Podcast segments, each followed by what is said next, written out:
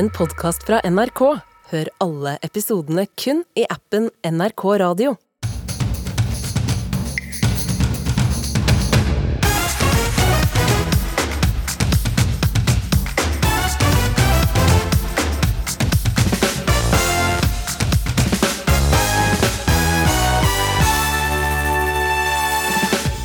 Rekordene faller på historisk dag for kvinnene i Vikersundbakken.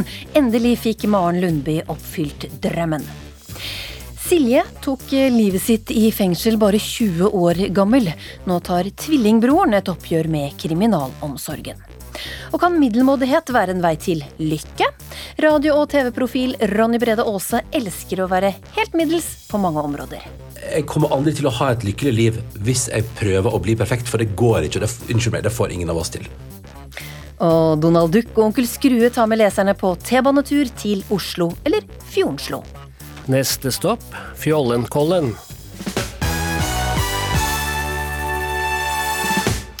Kanskje du synes uka har vært lang, men nå er lørdagen godt i gang, og vi i Ukeslutt skal forhåpentligvis holde deg både oppdatert og i godt selskap de neste to timene.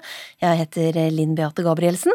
I dag ble en av de største likestillingsbarrierene i den moderne vinteridretten brutt. Etter mange års kamp fikk endelig Maren Lundby, Silje Opseth og Anna Odine Strøm flydd ned bakken i Vikersund for aller første gang, og det på trening i dag. Og reporter Frode Søreide, du er selvsagt der det skjer.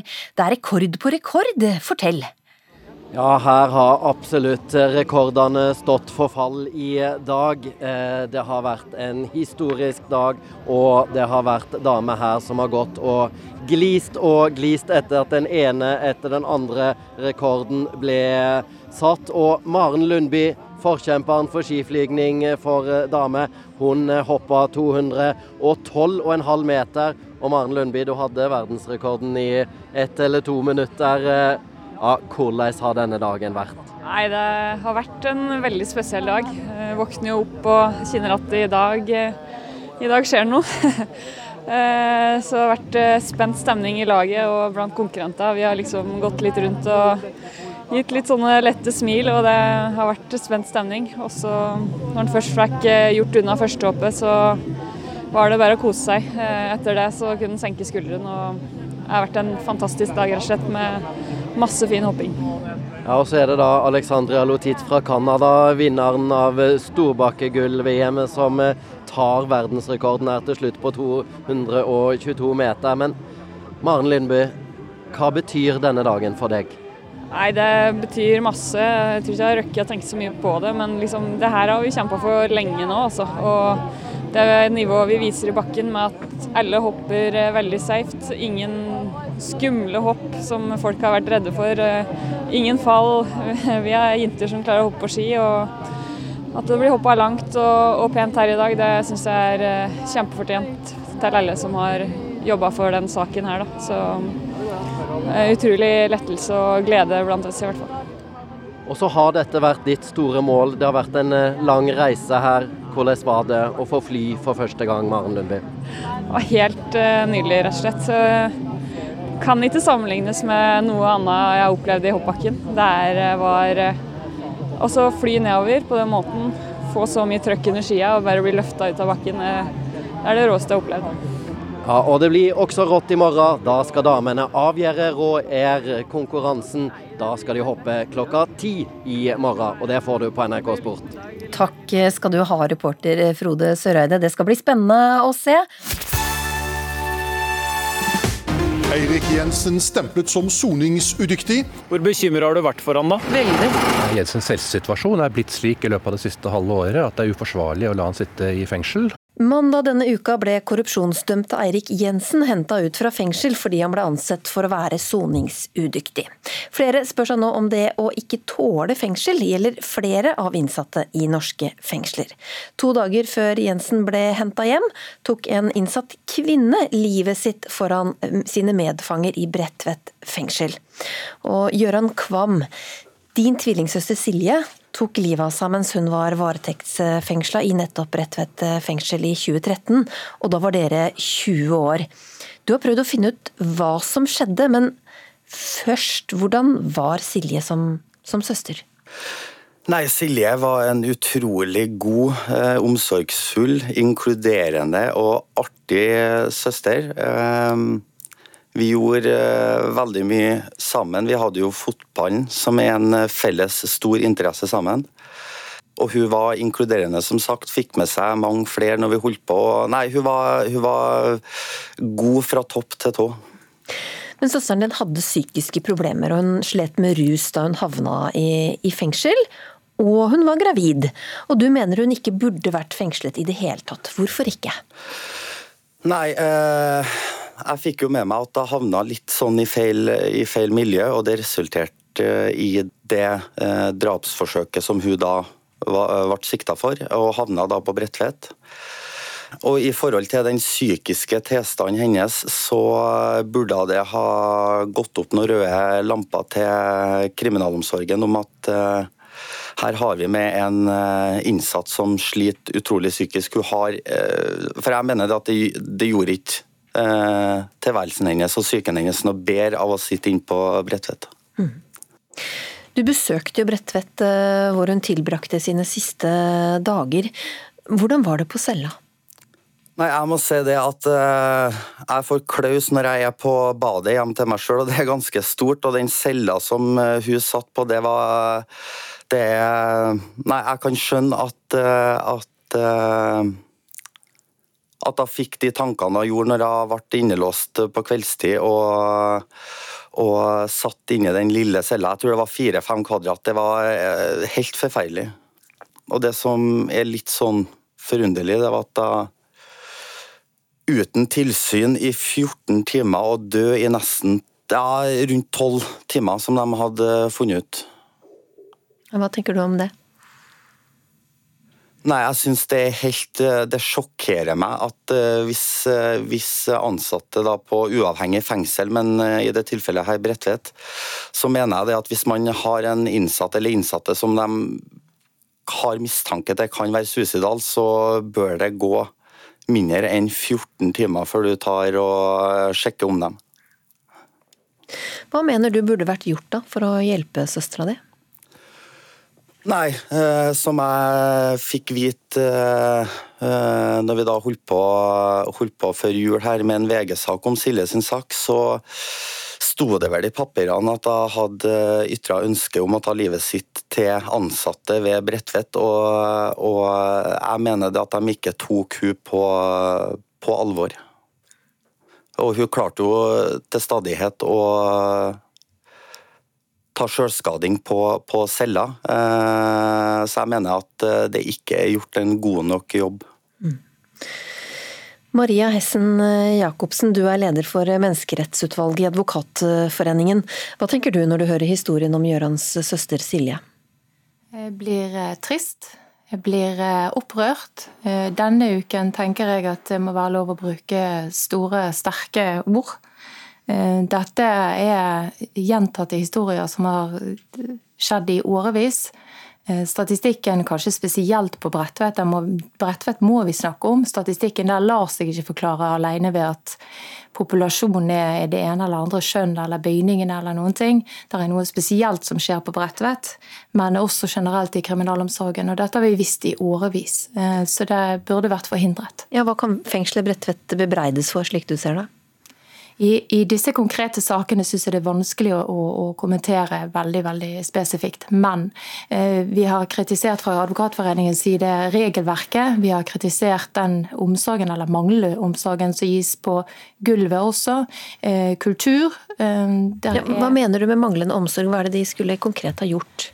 Hvis man leser Sivilombudet sine meldinger både om den nylige om selvdrapsrisiko, men også om isolasjon, så ser vi at norsk kriminalomsorg er preget av et sikkerhetsfokus.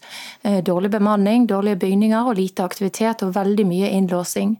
Eh, og det er klart, eh, Populasjonen har med seg en del psykiske vansker inn i fengselet, men der inne skal de ivaretas og rehabiliteres, men de blir sykere. De blir, vi gjør syke, folk sykere i fengsel i dag, og det kan vi ikke være bekjent av. Ja, Hvor vanlig er det da at fanger sliter i norske fengsel? Eh, undersøkelser viser jo at 90% av innsatte populasjonen har psykiske vanskeligheter, og altfor mange, 12% har aktiv suicidalitetsproblematikk. Eh, og det må vi nødt til å ta på alvor. Men fanger som sliter med, med psykiske lidelser og rus, eh, hvor bra har de det egentlig utenfor murene? Det er mye utfordringer og mye kan sies om psykiatrien også utenfor eh, fengselet. Men hvis du sammenligner selvdrapstall, eh, selvskadingstall og selvmordsforsøkstall blant de som er innlagt i psykiatri og de som er inne i fengsel, så vil du si at det er en eksponentiell inne i fengsel. Det er altfor høye tall til at det lar seg forklare på noen annen måte enn at det er et grav alvorlig problem i kriminalomsorgen. Ja, Vi skal straks snakke med kriminalomsorgen, og de sier de ikke har ressurser til å følge opp suicidale fanger. Og helsevesenet sier de ikke kan tvangsbehandle uten at det er hjemla i loven. Hva sier du til det? Jeg sier at det er en alvorlig ansvarspulverisering. Etter Menneskerettskonvensjonen er staten Norge, uavhengig av hvilken eh, etat det er snakk om, eh, staten har plikt til å holde disse menneskene i live og ivareta dem. Tusen takk eh, Maria Hessen Jacobsen fra Menneskerettsutvalget i Advokatforeningen, og også takk til eh, Gjøran eh, Kvam. Før det snakka vi med Gjøran, som opplevde at tvillingsøsteren tok livet sitt i Bredtvet fengsel. Det var for ti år siden, og mange har gjort det samme siden. Og sist hel opplevde dere et nytt selvmord i dette fengselet, Stig Storvik. Du er regiondirektør i Kriminalomsorgen region sør. Du vil ikke møte Gjøran eller menneskerettighetsadvokat Maria Hessen Jacobsen til debatt, men du er villig til å svare på noe av det de eh, tar opp. Advokat eh, Hessen Jacobsen mener dere låser inn fanger for mye. Hva sier du til det? Ja, altså det er kjent at eh, ni av ti har psykisk uhelse. Tre av fire har eh, personlighetsforstyrrelser. Det er klart Når de kommer inn i fengsel, så opplever vi at eh, mange av de eh, enten verbalt eller fysisk utagerer. Våre muligheter for å håndtere disse da, er jo utelukkelse fra fellesskap for å beskytte de andre kvinnene, medfangene eller medinnsatte. Eh, og det er ikke et egnet middel å bruke overfor disse kvinnene. Eh, de blir sykere av å sitte utelukket. Og Vi ser da at eh, det ofte resulterer i selvmordsforsøk, i selvskading osv. Men Finnes det noe alternativ, da, hvis dere også sier at det ikke er egnet? Ja, og vi, når, når dette skjer, så ønsker vi å innlegge disse i psykiatrien. Og vi begjærer de innlagt. Det vi ser er at disse ikke kvalifiserer for innleggelse i psykiatrien. Gøran har etterlyst også mer tilsyn når man først var innelåst. 14 timer uten at noen eh, så til en som var eh, suicidal. Er det normalt? Ja, og Det er også utfordrende. ikke sant? For vi har jo ikke mange nattevakter. Og, og det å, å, å, gå og kontrollere en celle kanskje hvert kvarter eller hver halvtime, det har vi ikke ressurser til. Og så er Det slik at... Men det er langt fram til 14 timer, da. Ja, men, men bare for det jeg har sagt også. altså når vedkommende ligger og sover. Altså, vi, vi, har et prinsipp i kriminalomsorgen som heter normalitetsprinsippet. Det skal være så normalt på innsiden av muren som det skal være på utsiden i det sivile samfunn. Og Man kan tenke seg selv, la oss si da at uh, man skal inn og sjekke cella hver kvarter eller hver halvtime. Det er klart at dette er krevende for en stakkar som skal ligge og sove. Ja, det er tunge dører, det er nøkkelknipper osv. Dette Eh, er vanskelig å få til i praksis. Men det er vel ikke alle det er like stor eh, fare for eh, samtidig? Nei, det er det ikke. Men det vi har sett de siste par årene på Bredtvet bl.a., så er det en urovekkende høy andel som, som, eh, som sliter øh, psykisk. Mm. Men Ifølge Rettspsykiatrisk poliklinikk ved Oslo universitetssykehus så må behandling være frivillig, og de mener dere i fengsel har best mulighet til å ta hånd om utagerende personer. Hva sier du til det? Ja, Vi har jo våre eh, tvangsmidler. ikke sant? Og Det er jo eh, utelukkelse fra fellesskap, det er bruk av sikkerhetscelle og det er bruk av sikkerhetsseng. Disse menneskene blir sykere å være i fengsel. De skulle ikke ha vært der i utgangspunktet. Eh, og det, det er det vi må ta inn over oss. Ja, men Betyr det at uh, ting skal fortsette som det, som det er? Nei, men vi må kunne gi denne gruppen et annet tilbud enn fengselsopphold. Eh, mange av disse kvinnene de, de har ikke begått noe alvorlig kriminalitet. De er ofte at de forstyrrer ute i samfunnet. De legger seg på togskinner, de står på broer og vil hoppe. og Når da politiet kommer uh, for, å, for, å, avhjelpe situasjonen, så ender det med basketak, og så blir de gjerne tiltalt for, uh, for overtredelse av altså vold mot offentlig tjenestemann, og så får de dom. ikke sant? Og så har vi det gående sånn ut og inn av fengsel, og en, egentlig en håpløs situasjon. Mm. Og så var det sånn at Denne uka slapp den tidligere politimannen Eirik Jensen ut av fengselet fordi han ikke anses å være i stand til å sone korrupsjonsdommen sin. Og Det er åpenbart eh, mange fanger som sliter. Burde dere slippe ut eh, flere? Eh, nå er det sånn at Kriminalomsorgen har hjemmel til å beslutte at straffegjennomføringen avbrytes dersom domfeltes helsetilstand tilsier det, eller når det for øvrig foreligger særlig tungtveiende grunner som ikke kan avhjelpes på annen måte. Um, Hva slags grunner er det da? Eller? Ja, og Det er en konkret individuell skjønnsmessig vurdering som skal uh, foretas. og Dette regelverket det praktiseres strengt. Um, Hvor mange er det som, uh, som får et sånt unntak? I fjor fattet vi 57 vedtak om straffavbrudd. Eh, men det kan være flere straffavbrudd i samme sak, slik at antall innsatte som fikk straffavbrudd, er nok langt lavere enn disse 57 vedtakene. Og Hva er de typiske grunnene da til at de De typiske grunnene er helsemessige tilstander. Men hva slags helsemessige tilstander? Nei, Det kan være både somatisk og psykisk. Hva om det blir eh, flere selvmord, og Norge blir eh, saksøkt da, gang på gang for dårlig ivaretakelse av eh, fanger. Hva vil du gjøre da? Vi ønsker at disse kvinnene skal få hjelp. Eh, og da er det jo først og fremst psykiatrien vi tenker er det naturlige stedet å henvende seg. da. Takk skal du ha, Stig Storvik, regiondirektør i Kriminalomsorgen region øst. Den norske ambassaden i India reagerer på hvordan barnevernet og Norge blir presentert i en ny Bollywood-film. En av Bollywoods superstjerner spiller hovedrollen i filmen som tar utgangspunkt i en sann barnevernssak, der et indisk ektepar ble fratatt barna sine mens de bodde i Norge. Og i går var det premiere på Mrs. Chatterjee versus Norway.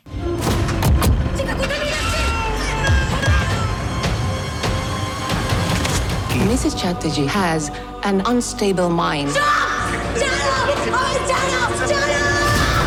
This court rejects Mrs. Chatterjee's petition. No, no, no, no. Both children will be wards of the state till they are 18 years old. Rina Sunder, du er norsk-indisk gründer og forfatter av boka Det moderne India, og du så filmen under premieren i India i går. Hovedkarakteren spilles av Bollywood-stjernen Rani Mukherjee. Hvor stor er hun? Eh, først ønsker jeg å takke for at jeg har blitt invitert eh, til denne sendingen.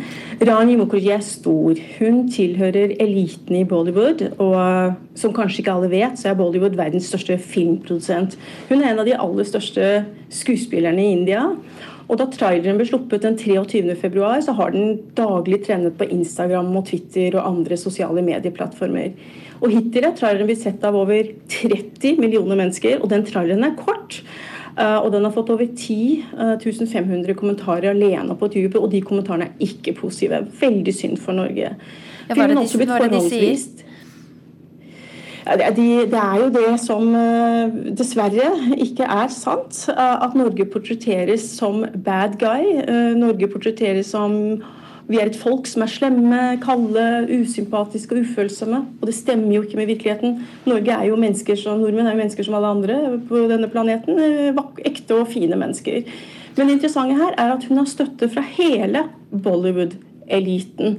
Den største filmstjernen i verden, Shah Rukh Khan, eh, tvitret at alle bør få med seg denne filmen. Og den tweeten alene nådde ut til 1,2 millioner mennesker. Så det jeg også syns er litt synd, det er at eh, produksjonsteamet også hashtagger denne filmen med 'Deshka Matter', hvor de faktisk egentlig sier at dette er en sak for nasjonen. Så hun er stor, hun tilhører eliten. Mannen hennes er en av de aller mektigste innenfor Bollywood-industrien. Um, og hun spiller ofte kvinnesentriske filmer, sånn som denne filmen her. Hans Jakob eh, Frydenlund, du er vår ambassadør til India. Hva mener dere fremstilles feil i denne filmen? Ja, Det er eh, flere ting som er feil, men de to viktigste tingene er at det framstilles som at man blir fratatt barna sine fordi man mater dem med fingrene og man sover i samme seng om natten. Og det er ikke tilfellet. Og det andre som er alvorlig, er at det framstilles som at norsk barnevern er profittdrevet, og at eh, penger spiller stor rolle i spørsmål om omsorgsovertakelse. Hva slags reaksjoner har dere på ambassaden blitt eh, møtt med? Vi har ikke blitt møtt med særlige reaksjoner, så det har vært ganske stille og rolig. Dette var en sak som, eller Den saken som filmen bygger på, skapte jo voldsomme eh, oppmerksomhet i, i 2011. Men eh, det har vært lite oppmerksomhet nå. Vi var ute med en kronikk i en av Indias fremste aviser i går og Vi har også da spredd denne kronikken på sosiale medier, og vi har vært ute med pressemelding. Og Det vi ser, er at eh, det er mye oppmerksomhet rundt Rani Mukherjee. Det er mye oppmerksomhet rundt vårt tilsvar, men ikke så mye oppmerksomhet for øvrig. Lina Sunder, du har jo også skrevet eh, og etterlyst at norske myndigheter skal eh, komme på banen. Hva mener du de burde ha gjort? Uh, dette her er jo et eksempel på veldig dårlig krisehåndtering, mener jeg. Fordi at man, norske myndigheter har visst at denne filmen kommer. Det har man visst i to år. Så denne krisen kunne vært håndtert absolutt mye bedre. Norge trenger ikke å hele Bollywood-eliten mot seg. Uh, krisehåndtering handler mye om hvordan man forbereder seg til en krise. Uh, og her gjelder det å tenke nytt. Uh, for det India vi treffer i dag, møter i dag, det er et annet India enn det vi møtte for fem år siden. Eller for fem år siden. Så det norske myndigheter uh, kan og bør gjøre framover, det er å møte India og indere med totalt motsatte holdninger enn det som kommer til uttrykk i traileren og filmen. Vi er ikke kalde mennesker. Så da må vi møte indere på en åpen, imøtekommende og varm måte. Vi må vise den varmen i praksis. Og her kunne man gjort så mye, mye mer i forkant. Man kunne invitert i dialog, man kunne hatt en kanal for oppklaringer av kulturforskjeller. Man kunne spredd kunnskap om alt det som faktisk er fantastisk ved Norge. Vi er faktisk et land som har et barneombud for barn. Vi er også et land som blir rangert som verdens land, beste land for mødre. Og dette her, Det er så mye flott ved Norge som burde vært spredt ut eh, langt før eh, denne traileren. Nå har den jo trendet i tre mm. uker. At ambassadøren kommer to dager før, er litt sent, syns jeg. da. Hva, hva, har dere gjort i forkant av eh, filmen? Ja, altså, nå må jeg si at dette, Da vi, vi fikk beskjed vite at filmen ville komme, så tok vi umiddelbart affære. Vi tok bl.a. kontakt med produsentselskapet og vi inviterte dem til Norge, og da inviterte dem til å foreta eh, da, filming on location. Og eh, tilbød dem å komme i kontakt med norsk barnevern. Gjorde de det da? Eh, så vi har, vært aktive fra starten av. Vi kom i dialog med filmselskapet. Eh, og de, de, takket nei til, til dialog. Og, og til å bruke muligheten til å faktisk få bilder fra det stedet der de der den opprinnelige historien fant sted. Men hva frykter du nå kan bli konsekvensen av denne filmen? Uh, vi følger med uh, på hva som er på, på, reaksjonene. Det som jo er uh, vi må ta alvorlig og være oppmerksom på, er i hvilken grad dette spiller inn på Norges generelle omdømme. Det vi ser, er at Norge oppfattes som et, eh, som et vennlig, fredelig og likestilt samfunn og har høy positiv eh, grunnoppfatning i India. Men har, det er jo masse India... arbeidskraft som kommer fra India til Norge. Hva tenker du om det? Ja, Norge er populært både som arbeidssted og som turistdestinasjon. Og det vi ser er jo at Antallet indere i Norge er ca. tredoblet på de siste ti årene. Indere er den største arbeidsinnvandringsgruppen utenfra Schengen. Det er høyt kvalifisert arbeidskraft som er viktige for Norge og for, for norsk næringsliv. Og, og, som også bringer med seg mange uh, viktige uh, kulturimpulser. Som vi ser f.eks. på Turbandagen, Bollywood-festivalen, Oslo Durga Puja og, og Mela-festivalen. Så uh, dette er en gruppe som er velkommen, og det har vi også understreket. Indere er velkomne til Norge. Og det, det budskapet har inntrykk av det, det, det sitter godt. Jeg å si tusen takk til eh, dere, forfatter Rina Sunder og ambassadør Hans Jakob eh, Frydenlund. Det er eh, mer spennende sport på gang denne lørdagen, og i Holmenkollen er jaktstarten i skiskyting for menn i gang. Og reporter Hans Solbakken, det var jo tåke i Kollen tidligere i dag, hvordan ser det ut nå? Da jeg våkna i dag tidlig og så og skua mot Holmenkollen, så tenkte jeg nei, nei, nei, skal det bli avlyst en gang til? Men så satte jeg meg i NRK-bilen og kjørte opp hit. Og jo høyere oss kom opp, jo mindre tåke ble det. Og nå er det lettskyet pent vær, som de sier på Meteorologisk institutt her i Holmenkollen. Og akkurat nå så ligger Johannes Tingnes Bø på skive nummer én, kom inn til første skyting, og da blir det smakk, smakk, smakk, smakk og smakk! Fem blinker rett ned Synnøve Solheimdal. Da. Tre skytinger her. Hvor mange bom og Johannes Tingnes Bø hold der på denne jaktarten for at dette her skal bli spennende og han ikke skal vinne? Nei, med den farten han har satt ut i nå fra, på førsterunden, så, så, så sier jeg fem strafferunder. Altså. Det, det, ser altså så solid ut. og han tar sekund på alle konkurrentene eh, fram til nå. Og ser Johannes Tingnes Bø, han går i fine skyv ut fra stadion her akkurat nå og har en god ledelse ned til konkurrentene på denne jaktstarten, som kommer til å være en 25 minutter halvtimes tid til før vi har en vinner. Og det ligger an til at det blir Johannes Tingnes Bø, altså. Dette liker vi å høre, og takk for at du følger med for oss, Hans eh, Solbakken. Nå kommer eh, flere ut av skapet som middelmådige, kunne vi lese i Aftenposten nylig. De er lei jaget etter det skulle være rikest, råest, penest, flinkest og ha flest følgere i sosiale medier. De syns rett og slett det er en befrielse å kalle seg helt middels. Reporter Line Forsmo har dukket inn i det middelmådige liv. Det er det samme hver gang. Sånn ett minutt med det, så går det over. Mens familiens hund løper frem og tilbake, setter Kristine Samuelsen to fat med brødskiver foran barna som sitter i sofaen og ser på TV. Her lever hun og familien, ifølge henne selv, et helt middelmådig liv. Vi bor jo i en eh, sliten tomannsbolig og gaffateip og vifta og mye teip her. ja, hun ble lei av å se perfekte bilder og lese om perfekte liv i sosiale medier, og oppretta kontoen Middelmådig tegner på Instagram, hvor hun bl.a. viser tegninger av seg selv når hun viser fingeren til baderomsvekta og slipper ut magen av buksa til teksten 'slapp av litt'. Svigerfaren min var jo helt fra seg når han eh, så hva jeg skulle kalle meg. Han bare nei, nei, du må jo markedsføre deg bedre. Jeg bare, nei, det er meg. Jeg er alltid litt under gjennomsnittet på alt. Kristine, som trives best i sofaen med joggebuksa på, vil ikke konkurrere i å være penest, flinkest eller å ha flest følgere i sosiale medier. Hvis jeg f.eks. ser en influenser som er veldig mye ute og fester og har et veldig glamorøst liv, og så kan det bli sånn Oi, det har ikke jeg. Og så tenker jeg, men jeg har jo ikke lyst på det. Men de får oss til å tro at vi har lyst på det. Det er en sånn rar mekanisme. Ja. For jeg har ikke lyst på det livet. Det hadde jeg ikke orka. Hjemme hos Ronny og Tuva, da, så er det jo de har det veldig rotete. og en annen som deler fra sitt uperfekte liv, er TV- og radioprofil Ronny Brede Aase. Jeg har på en måte alltid vært en veldig middelmådig fyr.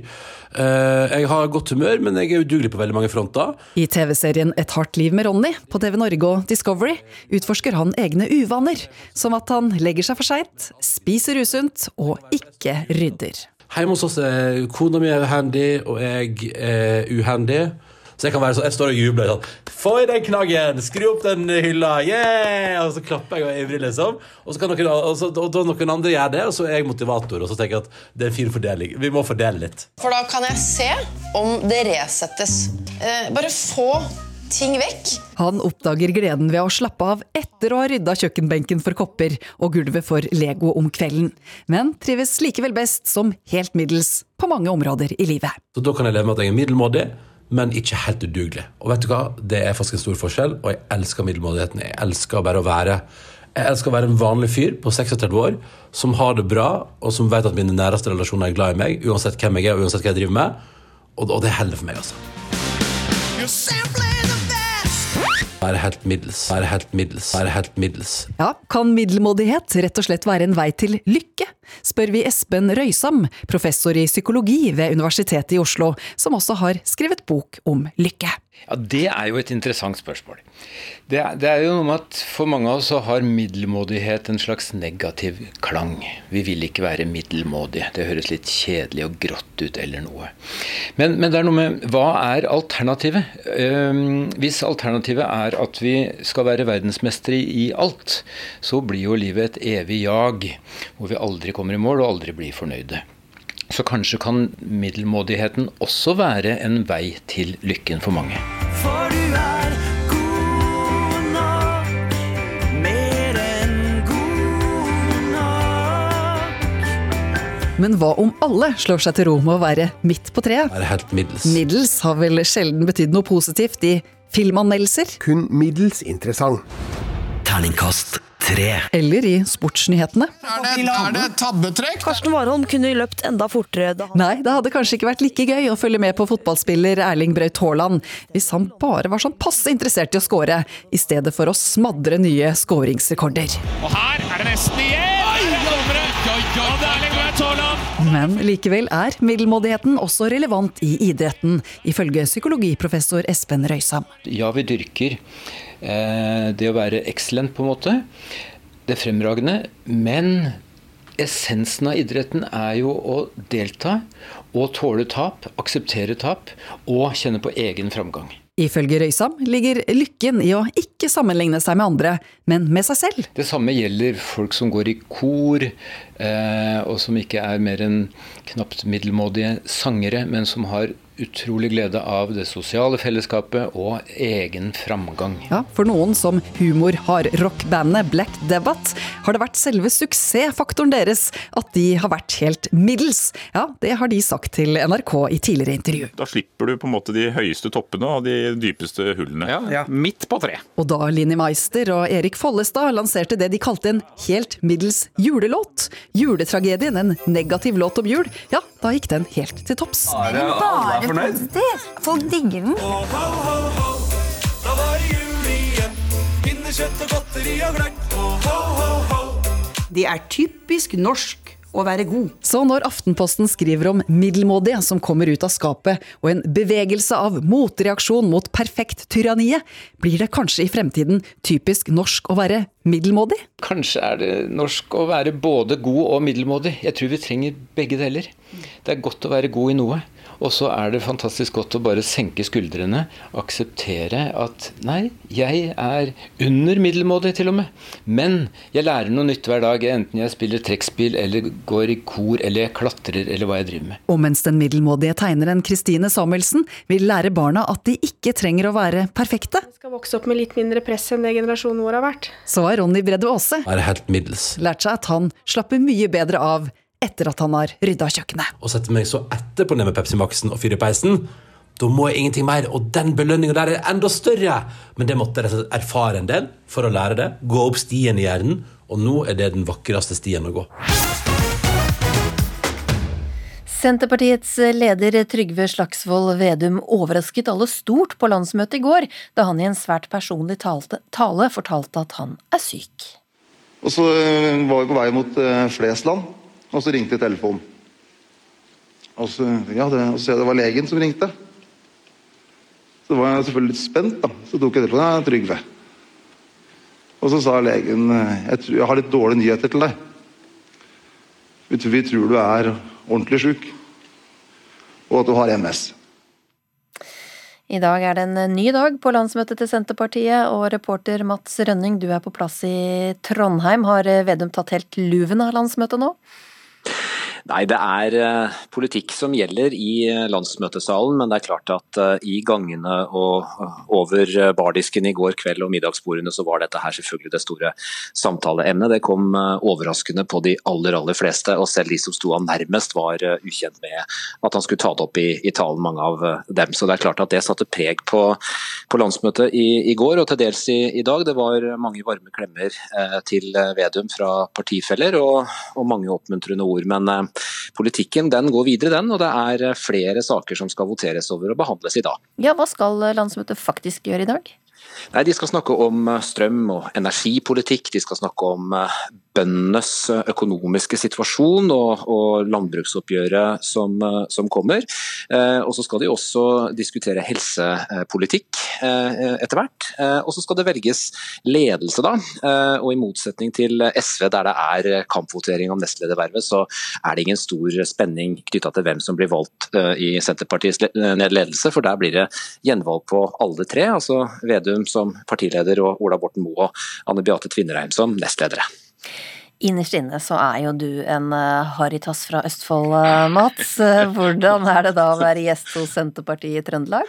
Nei, Dette er gjenkjennelig festkultur for en østfolding å være i Trondheim med, med, Senterpartiet. Eh, men her kommer jo folk fra hele landet. Så, så, så, så, er det sånn at den trønderske festkulturen satte preg på, på gårsdagen. Da var det Leva livet' med Åge Aleksandersen som fikk eh, stor eh, begeistring i, i, i middags, rundt middagsbordet på, på, festen. Og så ble det servert sodd, og jeg spiste sodd for første gang og forsynte meg med blomkål i sodden og fikk kjeft, for det skal man ikke gjøre.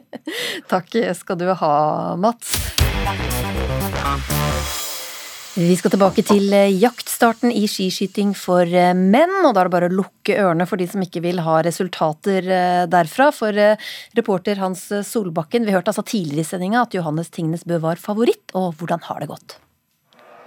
Johannes Tingnes Bø sklir akkurat nå inn på stadion i Holmenkollen. Han reiser seg opp og vinker til publikum. Dette her ble den eh, parademarsjen som oss forventa det skulle bli. Det er igjen et par hundre meter for Johannes Tingnes Bø her, men han har truffet på 19 av 20 skudd i dag. Og det mest spesielle som skjedde i denne jaktstarten her, er at på siste skyting for Johannes Tingnes Bø så sto han helt enslig på, på eh, skyte, skytematta enn ingen andre konkurrenter, for han lå så langt framfor. Og da han hadde skutt fire treff, så reiste han seg opp, ut av børsa, så mot publikum, og så hysja han på dem før han bøgde seg ned igjen og la eh, skjeftet inn til kjakan og skjøt en siste treff. Det var fantastisk å se på, Synnøve. Hva sier du om dette? her? Synnøve Solumdal, du har vært ekspert. Nei, Det var helt vilt å se på. Det var mest spennende, egentlig. Det eh, eh, var liksom om han klarte å treffe det siste treffet der. For ellers hadde det sett litt dumt ut å hysje og så bomme. Men han har virkelig, virkelig gått et godt renn. Og så mye som han har showa nå på siste serien og siste runden, det har jeg aldri sett før fra Johannes. Så han, han nyter virkelig den formen han har i år. Ja, For dere som eh, vil se disse bildene, så eh, regner jeg med at det kommer bilder til der på nrk.no om ikke så lang tid. Akkurat nå så driver Johannes Tingnes Bø og roa ned inn mot målstreken her. Har tatt et norsk flagg, og akkurat der går han over. En finger i været. Sin 18. individuelle seier denne sesongen av 22 mulige. Altså, Har noen gang sett en så suveren eh, skiskytter i løpet av en sesong, Synnøve Solumdal? Nei, vi har jo ikke det. Han har vunnet mer enn noen andre har klart i løpet av en sesong. Så, så det er helt vilt og utrolig imponerende. Og ikke minst den, den langrennsformen, men òg skyteformen. Altså Når du kan stoppe i en siste serie og hysje på publikum, og likevel skyte fullt på 29 sekunder, det er helt vilt. Dette var helt vilt. Johannes Tingnes Bø han vant. Quanta Fjoma tar andreplassen. Og Sturla Holm Lægrein her går inn til tredjeplass. her. Fantastisk norsk dag! Ja, det høres sånn eh, ut, eh, Hans eh, Solbakken. Du har kanskje lagt merke til at dette er uka for å ta et krafttak mot kreft. Det samles inn penger til forskning på kreft med spredning, og målet er å skape håp. Og håp kan vi skape her og nå ved hjelp av deg, Aili Monum Jordan. Du jobber i Kreftforeningen. Du blir snart 45 år. Da du var liten var det ikke så mange som trodde du kom til å bli særlig gammel. Hva var det som skjedde? Da jeg var seks år, så var jeg veldig glad i å danse ballett. Og jeg danset og danset, og øvde meg på å gå ned i spagaten. Jeg klarte guttespagaten veldig enkelt, men eh, da jeg trente på å gå ned i jentespagaten, da skjedde det brått noe. For da poppet det ut en stor svulst som var eh, på størrelse med en appelsin. Så eh, da bar det inn på sykehus. De trodde de opererte meg for brokk den gangen. Dette var i 1985. Og så viste det seg dessverre å være ondarta kreft. Hvordan behandler de kreften din da? Du, da var det i gang med cellegift og stråling, så jeg holdt på over lengre tid. Det var eh, tolv cellegiftkurer, så det var én kur i måneden. Så da var jeg inne en uke av gangen eh, per måned på sykehuset, og så var det å være hjemme i resterende måned. I håp da om å kunne delta på skole og sosiale aktiviteter. Ja, for Hvordan klarte du å motivere deg til å gå gjennom en såpass hard eh, behandling? Det var ikke enkelt. Jeg var livredd Jeg var seks år og um, hadde frykt for nåler, som veldig mange andre barn har. Men etter hvert så klarte foreldrene mine å motivere meg til å ta denne behandlingen og tåle de stikkene som jeg måtte igjennom, rett og slett, for å få tatt denne behandlingen. Og det gjorde de rett og slett ved bestikkelse. Det var eh, for hver cellegiftkur jeg skulle igjennom, så var det lovnad om en ny barbiedokke. så jeg var vel den jenta i grenda der jeg bodde på Lillehammer som hadde flest barbiedokker noenlunde ganske så bortskjemt. Eh, men jeg lot jo tross alt søstrene mine og mine nærmeste venninner å leke med den nest nyeste dukken.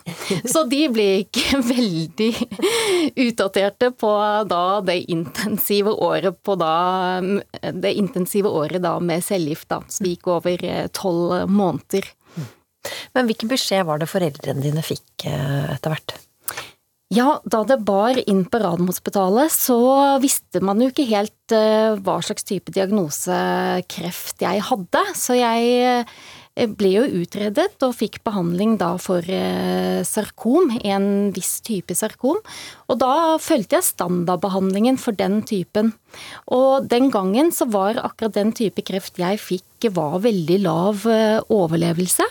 Og det var veldig mange unge ungdommer og barn som dessverre falt ifra i løpet av den tiden jeg var pasient på Radiumhospitalet. Eh, så mm, heldigvis så gikk det bra med meg.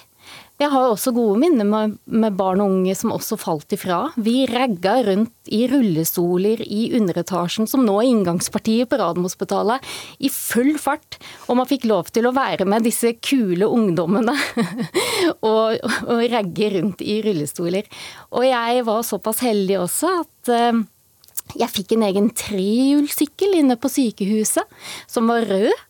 Og den brukte jeg jo hyppig for nettopp å stikke av fra disse legene og blodprøvetagere og de som skulle stikke meg for å sette cellegiftkur, i full fart bortover gangene og kjørte ned alt som var av mattraller og det ene og det andre. Og den trehjulssykkelen den fikk jeg faktisk i voksen alder for eh, rundt 15 år siden, hvor da fritidsleder på Radiumhospitalet har tatt vare på denne sykkelen for å gi til meg i voksen alder som et symbol på at man klarte kampen mot kreft. Det var jo fantastisk hvordan dere da på avdelingen klarte å holde motet oppe med den beskjeden som foreldrene dine eh, holdt skjult for deg. Hva var prognosen de fikk presentert? Nei, i utgangspunktet så var i starten av eh, sykdomsforløpet så hadde legene gitt dem en 11% sjanse for at jeg skulle kunne overleve. Men de eh, nekta, og Eller hva skal man si? Altså, som foreldre, man vil jo ikke gi slipp på håpet. Men hva har det gjort med deg, da? Alle disse årene hvor du har uh, kjempet mot kreft? Det er et vanskelig spørsmål å svare på. Jeg har jo med meg dette i bagasjen. Jeg har med meg i bagasjen det å oppleve at det var veldig mange rundt meg som falt ifra. Jeg visste at det var noen som døde på avdelingen som jeg kjente, men som jeg kanskje jeg valgte, altså Foreldrene mine beskyttet meg så godt at de dro meg aldri med i disse begravelsene. Men i stillheten så visste jeg jo at de var i disse begravelsene. Ja. Og når jeg var veldig liten, så følte jeg en skyldfølelse eh, over at de døde og ikke jeg. Så det var en hendelse eh, da jeg ble kjent med søstrene til en gutt på avdelingen. Og denne gutten døde mens vi var ute og lekte i korridorene. Det gikk veldig inn på meg som barn. Og der har nok jeg hatt mine fantasier i etterkant uten at foreldrene mine har klart å fange opp hvordan jeg egentlig opplevde dette her, som vi har snakket om i voksen alder. Hva var det som egentlig skjedde?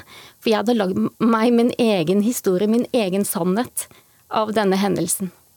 Og nå er det altså da krafttak mot uh, kreft, med pengeinnsamling til uh, forskning. Hva håper du skal skje innen kreftbehandling? Jeg håper jo virkelig at forskning skal gi håp til alle de som rammes av kreft med spredning. Litt mer tid, det betyr alt. Og forskning, forskningsgjennombrudd på medisiner som kan hjelpe fler, og ikke minst at man kan tilpasse kreftbehandling til hver enkelt person. Det er min drøm, at alle skal få den muligheten, og kanskje få medisin basert på gen. At det rett og slett skal være så presis som mulig. At alle pasienter skal kunne få hjelp, og minst mulig senskader, altså følgevirkninger av behandlingen i fremtiden. Tusen takk for at du delte din historie med oss, Aili Monum Jordan. Du trodde det bare var digg, du, å få ekstra lærende med smarte barn, eller å være et ekstra lærenemt og smart barn, men sånn er det ikke alltid. Lykkelig barn er et nettverk for foreldre til barn med såkalt ekstraordinært læringspotensial. De jobber for at også disse barna skal få bedre tilrettelegging på skolen. Reporter Kari Ørstavik har møtt to evnerike søstre som har funnet mye trøst i hester når de har hatt det vanskelig på skolen. Jeg ser jo en del varmblodser, da. Ser jo ikke noe annet, egentlig. Det her er jo sikkert dyre spranghester og en del dressurhester til eh, mange hundre tusen kroner. Anneli er 14 år, og jeg møter henne og den ti år gamle søsteren hennes Nora på en hestegård utenfor Drammen. Hjemme på Nøtterøy har de en ponni som betyr spesielt mye for Anneli. Etter en tur i stallen setter vi oss inne på kafeen Anneli og Nora er evnerike barn. Hvis de vil, oppfatter de ting raskere og lærer fortere enn andre barn. Og de har mer avanserte tanker. I matte f.eks. ligger Nora flere år foran de andre i klassen. Hun sier hun blir kalt kalkulator, og at mange synes hun er rar. Men også noen ganger er det også veldig bra, for jeg, jeg liker å være litt annerledes. Oh ja, På hvilken måte da? I hvert fall folk syns jeg oppfører meg litt sånn rart. Og det liker jeg. Jeg, jeg er på en måte Nå så kaller folk meg rar, og jeg tar det som en kompliment. Jeg liker å bli kalt rar. jeg er litt rar, jeg. Anneli var eh, tidlig en mester i trafikkskilt, og kunne alle på rams da hun var fem år. I dag er hun opptatt av anatomi, nervesystemet og medisin generelt. Og hun tar ting raskt. Altså, jeg merka jo ganske fort at hjernen min funka, eller på en måte fungerte raskere enn alle andres, og at jeg forsto ting bedre. Og, eh, og jeg merka at uh, det her er jo enkelt. Det her har jeg jo skjønt. Fordi at man har jo mye repetisjon i skolen. Så fantastisk er det lett å tenke. Men nei, sier mor Irene, som også er foreldrekontakt i foreningen Lykkelige barn. Mange av disse barna har det ikke bra, sier hun. Slik har det vært for Anneli også, før hun fikk hesten, og slik er det fortsatt for Nora. Jeg blir veldig frustrert i timen. Og så bare sitter jeg der, og så klarer jeg ikke å gjøre noe. Selv, selv om det er lett eller vanskelig eller Vet ikke, jeg bare klarer ikke å gjøre noe. Du er lei Du er blitt skolelei, du, eller? På en måte. Jeg bare klarer ikke å gjøre noe. Ja, altså, dette er jo, Nora er jo ti år. Dette er tredje gangen hvor hun nå ikke ønsker å være mer på skolen. Um, hun klager over at hun får hodepine og blir kvalm av å være i klasserommet. Um, så nå, sist nå så starta det ja, i begynnelsen av desember. Og det er ikke så veldig mange uker siden hvor hun sa at hun uh, skulle ønske hun kunne bli gjenfødt i en annen kropp. Men er, er det sånn da, Nora, at da ville du bli gjenfødt som ikke-evnerik, eller? Ja. Utdanningssystemet vårt eh, er ikke godt nok tilpasset denne elevgruppen. Astrid Lenvik er førsteamanuensis ved Institutt for pedagogikk ved Universitetet i Bergen. Hun har skrevet doktorgrad på barn med stort og ekstra læringspotensial. Et dårlig tilpasset utdanningssystem gjør at mange evner ikke får det vanskelig, sier hun. Veldig mange av de forteller om eh, problemer på skolen. Eh, de forteller om eh, lærere som ikke nødvendigvis anerkjenner at de har evner eller har kompetanse på de områdene som de har. Det er for mye repetisjon. De opplever uro i klasserommet, og de får ikke gå så fort frem som de ønsker. Og de får ikke den utfordringen og den tilpasningen som de da trenger. Også tidligere forskning viser at mange evnerike kjeder seg på skolen og blir frustrerte over stadige repetisjoner av ting de allerede kan. Og de er mer utsatt for å få angst, depresjoner og skolevegring. Ifølge loven skal alle elever bli møtt av en inkluderende og likeverdig opplæring tilpasset eh, elevenes behov og forutsetninger. Slik er det ikke alle steder, og det er et lovbrudd, sier Lenvik. Ja, jeg vil si det. Altså at Vi har som uttakssystem en plikt til å tilrettelegge, og det skjer ikke alltid. Dette må jeg høre med Kunnskapsdepartementet om. Først hadde ingen i politisk ledelse mulighet til å svare meg, men etter litt påtrykk fikk jeg dette svaret fra statssekretær Sindre Lysø. Det er helt eh, åpenbart at eh, elever som også ønsker større utfordringer innenfor eh, ulike fag, bør kunne få det. Og da har vi et lovverk som åpner for det, med tilpasset undervisning. Men både forskere og mange foreldre til evnerike sier jo at barna deres ikke får tilpasset undervisning. De kjeder seg. Da er det jo viktig at man har et godt samarbeid eh, mellom eh, eh, foreldre og skole. I doktorgraden til Astrid Lenvik kommer det også fram at norske lærere vet lite om evnerike barn. Og det de vet, har de måttet skaffe seg gjennom egen erfaring, og ikke gjennom lærerutdanningen. Hva har regjeringen tenkt å gjøre med det? Lærerutdanningene de eh, inneholder et bredt spekter av eh, innhold. Eh, og det at lærerne ønsker seg denne type kompetanse, det tenker jeg er noe som også er mulig å se nærmere på. Og det er også noe som Utdanningsdirektoratet ikke minst ser på og jobber med. Tilbake i kafeen på Hestegården forteller barna at skolen føles som et fengsel. De blir hindret i å lære å tenke. Hvordan kunne skolen blitt bedre da, spør jeg. Jeg skulle ønske at skolen kunne tilrettelegge mer for de evnerike barna, og ikke bare for de, som, de svake barna. da. Altså, jeg skal bare ønske at um, de deler det inn i måte, skolen i grupper etter nivået.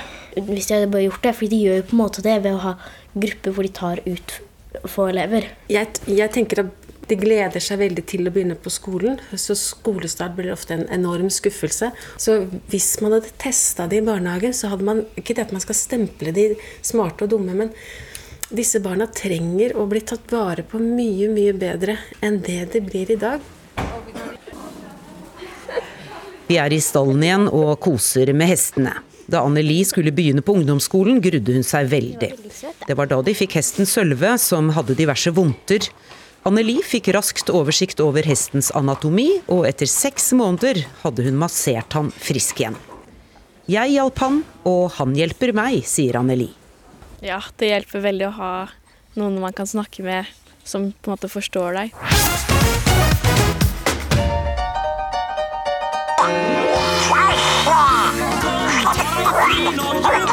For Donald, for Donald, Donald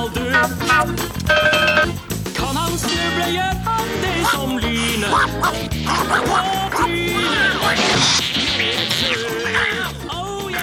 Neste stasjon Fjollenkollen heter det når Donald Duck og co. drar til Oslo, eller Fjonslo i den nyeste utgaven.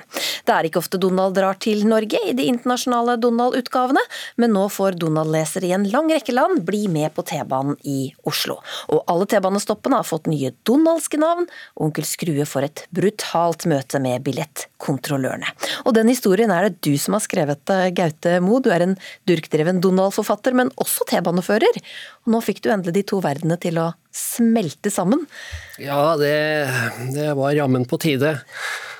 Hvordan tenkte du da du lagde denne historien?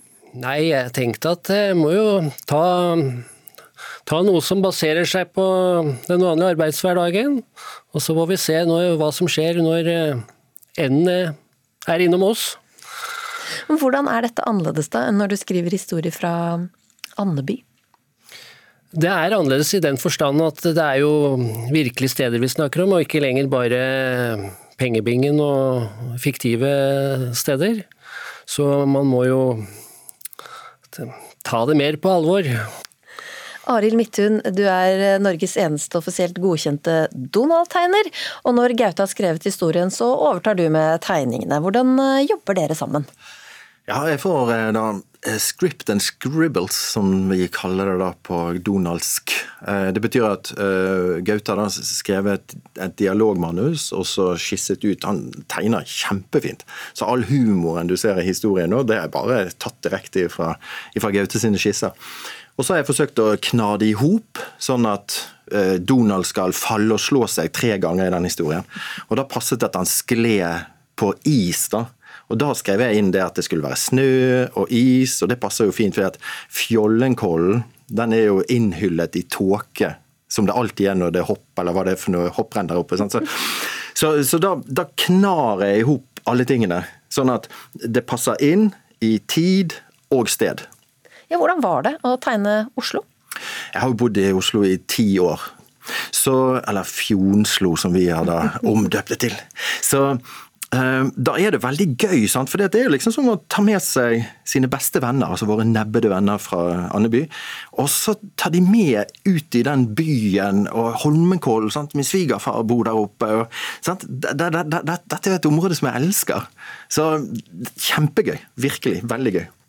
Gaute, T-banesjåføren i Donald Duck sier det er verdens beste jobb. Fred og ro, han sitter og nyter sin kopp kaffe. Er det sånn? Ja, sånn er det faktisk på en eh, solskinnsdag. Frognerseteren, eh, det er det beste stedet du kan kjøre. Men har du selv lurt på hvem du ville vært i Donald Duck? Jeg vet det i hvert fall nå.